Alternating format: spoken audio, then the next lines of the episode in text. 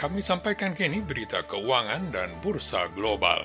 Indeks Dow Jones di New York naik 541 poin, ditutup pada 25.564. Indeks Standard Poor 500 naik 43 poin, ditutup pada 3.050 dan indeks Nasdaq naik 116 poin, ditutup pada 9.874. Di Asia, indeks Dow turun 43,8 poin, ditutup pada 3090.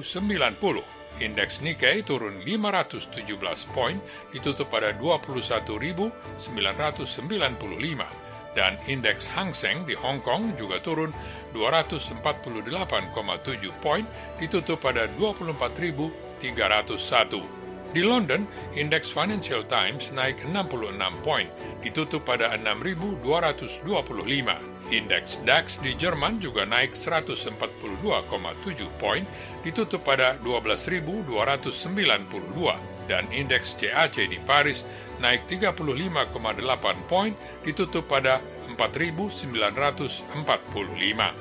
Harga minyak mentah Brent naik 37 sen, ditutup pada 41 dolar 39 sen per barrel. Harga emas naik 1 dolar 80 sen ditutup pada 1.782 dolar per troy ounce dan harga tembaga naik satu setengah sen ditutup pada 2 dolar 69 sen per pon. Harga coklat turun 39 dolar ditutup pada 2.238 dolar per ton. Harga kopi naik 3 sen ditutup pada 1 dolar per pon. Satu euro bernilai 1,1 dolar Amerika. Satu pound sterling bernilai 1,2 dolar Amerika. Satu dolar Amerika sama dengan 107 yen Jepang dan 14.245 rupiah. The Voice of America. Kelompok perusahaan energi Inggris, British Petroleum atau BP, yang terpukul keras karena perebakan virus corona, hari Senin mengumumkan penjualan bisnis petrokimianya seharga 5 miliar dolar kepada perusahaan Ineos saingannya. Penjualan itu akan memperkuat keuangan BP dan menyelesaikan usaha divestasinya satu tahun lebih awal, kata sebuah pernyataan.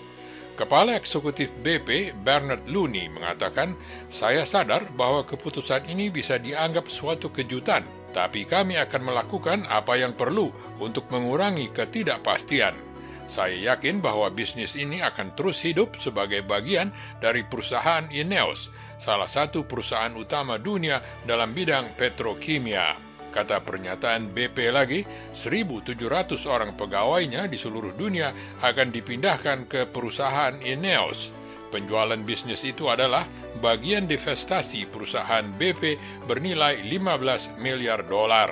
Perjanjian yang dicapai hari ini adalah suatu langkah lagi untuk membangun BP sebagai perusahaan besar yang bisa bersaing dan sukses dalam masa transisi energi ini, tambahnya. Kata Luni, ia berencana membuat BP perusahaan yang menghasilkan emisi gas karbon net zero menjelang tahun 2050. Sementara itu, BP harus membangun kembali keuangannya setelah mengumumkan permulaan bulan ini bahwa perusahaan itu akan mengalami rugi sampai 17,5 miliar dolar dalam kuartal kedua. Pandemi virus corona mengakibatkan anjloknya permintaan global akan minyak sehingga BP memutuskan untuk memangkas 10.000 lapangan kerja atau sekitar 15 persen pegawainya di seluruh dunia. Pandemi virus corona mengakibatkan banyak bisnis menghentikan kegiatan dan perusahaan penerbangan menghentikan operasinya menjelang akhir kuartal pertama sehingga harga minyak anjlok dan malahan sempat berada di bawah nol. Jim Ratcliffe pendiri dan kepala perusahaan Ineos mengatakan senang bisa membeli perusahaan petrokimia milik BP itu sehingga bisnisnya bisa lebih berkembang. Industri petrokimia BP yang dijual itu tersebar di 15 negara, 5 di benua Amerika, 2 di Eropa, dan 8 di Asia. Dari Washington, saya Isa Ismail.